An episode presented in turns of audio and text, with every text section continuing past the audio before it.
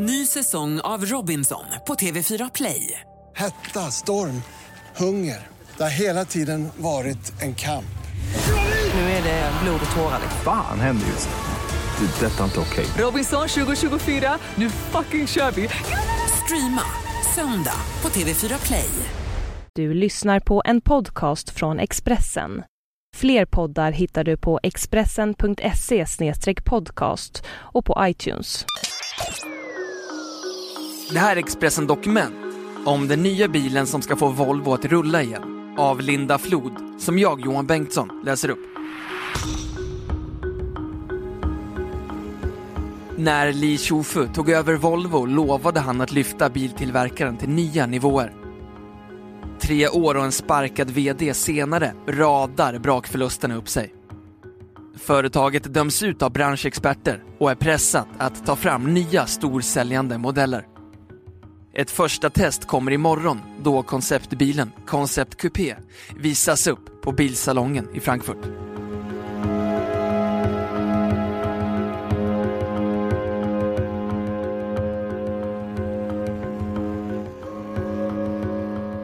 Volvo, en tiger som måste befrias från sin bur.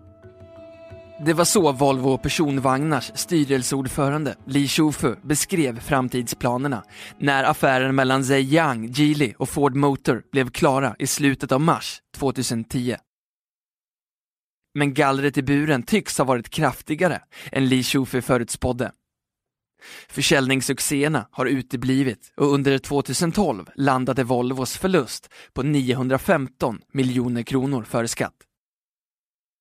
Målet för i år är att sälja lika många bilar som i fjol, 422 000, vilket då var en nedgång med 6% jämfört med 2011. I förra veckan var det dags för nästa kalldusch. Under första halvåret gjorde Volvo en förlust på 577 miljoner kronor. Det här trots att försäljningen nu egentligen har tagit fart i Kina. Det här kommer att bli tufft, konstaterade vdn Håkan Samuelsson när resultatet presenterades.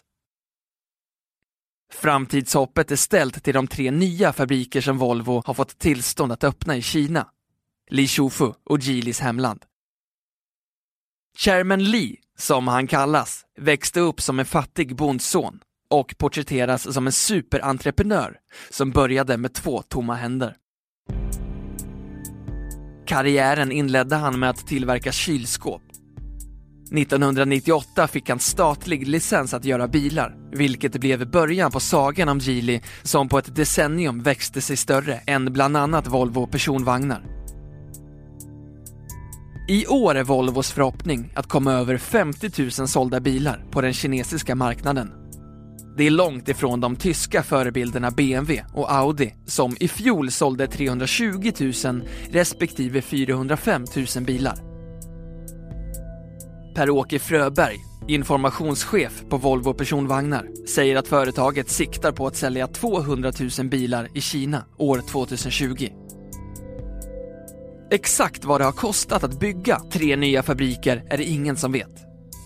En siffra som nämnts är 75 miljarder kronor, vilket då skulle täcka både uppförande av fabriker och utvecklingskostnader för Volvos nya modellprogram. I och med att Geely inte är börsnoterat finns det ingen insyn i moderbolaget.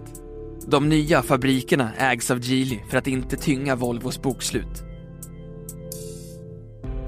En annan fråga är hur länge Kina kan tuffa på innan en ekonomisk kris väntar. Staten subventionerar en stor del av bilproduktionen i landet och överproduktion är redan ett problem.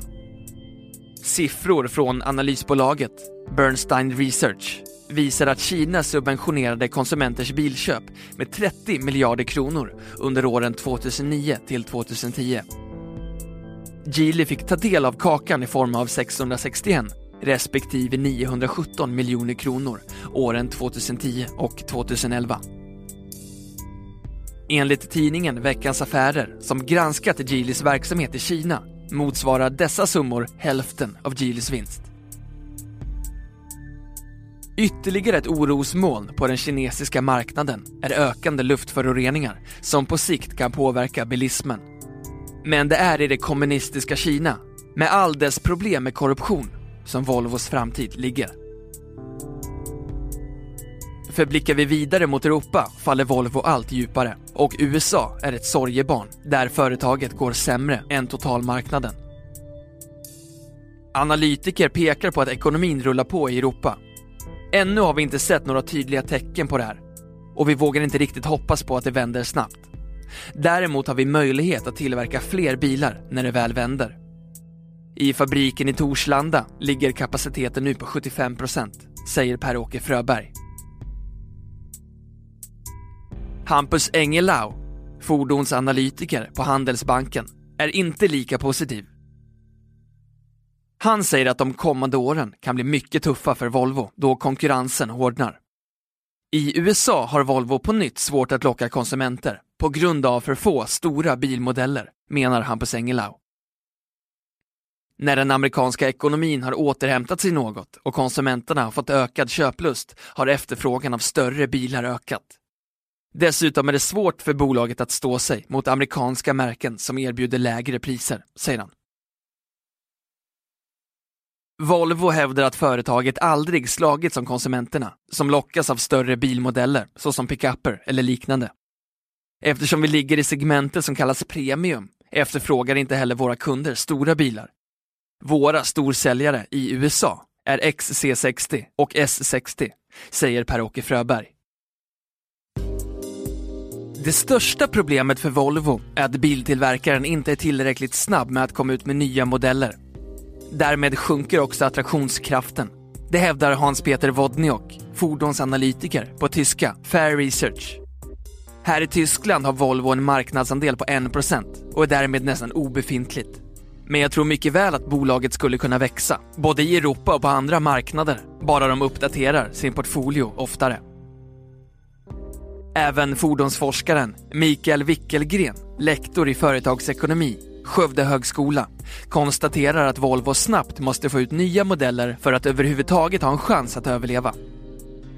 En överhängande konflikt som gnagt inom bolaget handlar om Volvo-bilarnas design. I Veckans Affärer berättar den kinesiske chefsdesignern Lou Dongfei att smaken är annorlunda i Kina jämfört med i andra länder. Här ligger folk större vikt vid bilens inredning. Därför måste vi dekorera bilen mer, sa han till tidningens reporter som besökte designkontoret i Kina. Tidigare vdn Stefan Jacobi påtalade öppet att Volvos modeller inte var tillräckligt premium, det vill säga lyxiga. I september i fjol fick Stefan en stroke. Kort därefter fick han sparken. Han har berättat i Svenska Dagbladet om hur han först fick blommor levererade till sjukhuset för att sen få ett formellt brev från vice styrelseordföranden Hans-Olof Olsson om att han var avskedad. Jag fick brevet utan förvarning och utan förklaring. Det fanns ingen direkt konflikt eller dispyt, sa han i intervjun med SvD.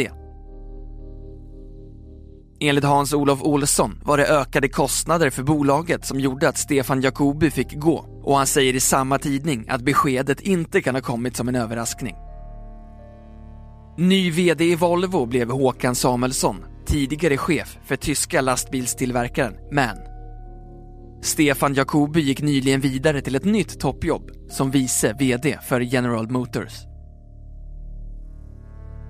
Hans-Peter Wodniok på Fair Research håller med Stefan Jacobi om att Volvo-bilarna inte andas tillräckligt med lyx. Volvo har ett gott rykte, men det räcker inte. Företaget vill ha ett prisläge i samma nivå som Audi eller BMW, medan modellerna i själva verket är mer standard än premium, säger han. För närvarande har Volvo åtta bilmodeller ute till försäljning. Informationschefen Per-Åke Fröberg är noga med att påpeka att sex av dem har uppgraderats under våren och landar hos återförsäljarna under hösten. En viktigare nyhet blir stadsjeepen XC90 som inom ett år kommer i helt nytt utförande. Nya XC90 ersätter dagens 11 år gamla modell som under flera år var en stabil storsäljare, inte minst i USA. För ett par veckor sedan premiärvisades Volvos nya konceptbil, Concept Coupé, som är den första av tre modeller som visar formspråket för nya XC90.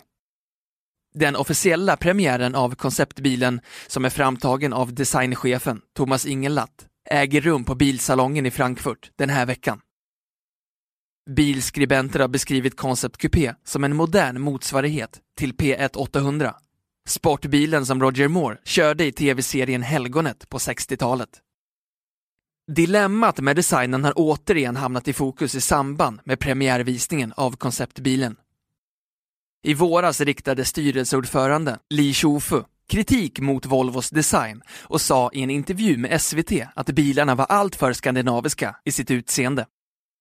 När bilder på konceptbilen har visats upp har den beskrivits som just skandinavisk. Designchefen Thomas Ingenlatt menar dock i en intervju med Dagens Industri att uttalandet inte är något att haka upp sig på och att han rätt ut frågan med Li Shufu. Nya XC90 beskrivs som en ödesmodell för det nya kinesiska Volvo. Bolaget genomgår en ekonomisk härdsmälta, men informationschefen Per-Åke Fröberg håller masken. Alla modeller är ödesmodeller för ett bilföretag. Vi känner oss trygga i vad vi åstadkommer, säger han. Men det är inte bara smickrande bilmodeller som kan ge Volvo PV en skjuts uppåt. Ett eventuellt frihandelsavtal mellan USA och EU kan ge Volvo sänkta kostnader på minst en halv miljard kronor per år. Idag betalar Volvo 2,5% i importtull till USA för personbilar och 10% för stadsjeepar och pickuper.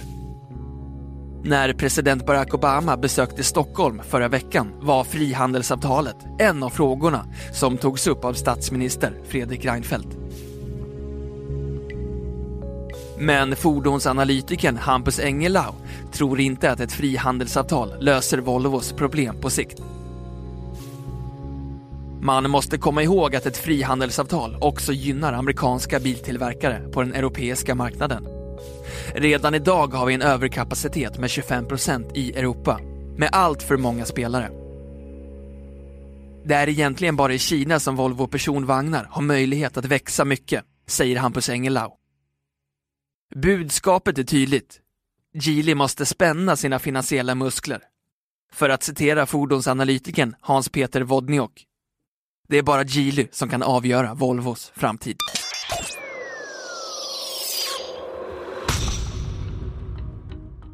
Du har hört Expressen Dokument om nya bilen som ska få Volvo att rulla igen av Linda Flod som jag, Johan Bengtsson, har läst upp.